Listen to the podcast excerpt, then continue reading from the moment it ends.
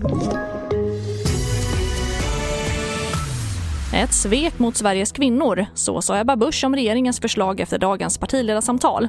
Misstänks ha lurat till sig 43 miljoner i assistansbidrag och distansundervisning i Övik nästa vecka. Ja, här är TV4-nyheterna som börjar med att vid dagens partiledarsamtal om kvinnovåld la regeringen fram fyra förslag till lagskärpningar för att motverka våld mot kvinnor.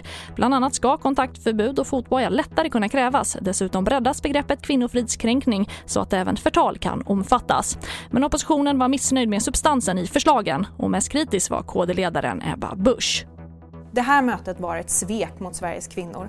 Vi fick många och viktiga rapporter ifrån myndigheter och kvinnojourer, kvinnoorganisationer. Men de larmen om den verklighet som kvinnor befinner sig i hade krävt handling idag.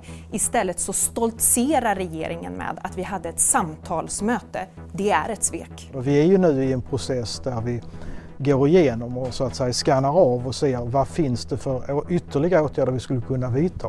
Och eh, där kommer vi återkomma inom ett par veckor med en, en åtgärdslista som ska vara, hoppas jag, väl så ambitiös eh, som den vi har gjort när det gäller gängkriminaliteten. Och sist hörde vi justitieminister Morgan Johansson. Och idag väcktes åtal i Göteborg i en av landets hittills största utredningar om misstänkt fusk med assistansbidrag. I härvan misstänks 22 personer ha lurat till sig över 43 miljoner kronor i bidrag genom simulerade sjukdomar och uppdiktade vårdbehov. I bevisningen finns filmsekvenser på brukare som på pappret har svåra sjukdomstillstånd men som ändå rör sig helt obehindrat. Samtliga åtalade nekar till brott. Och mer om det här kan du se på tv4.se. Och vi avslutar i Örnsköldsvik där kommunen bestämt att samtliga elever i högstadiet och gymnasiet ska få distansundervisning nästa vecka. Anledningen är att man bedömer smittoläget som mycket bekymrat och läget inom sjukvården ses som extremt ansträngt.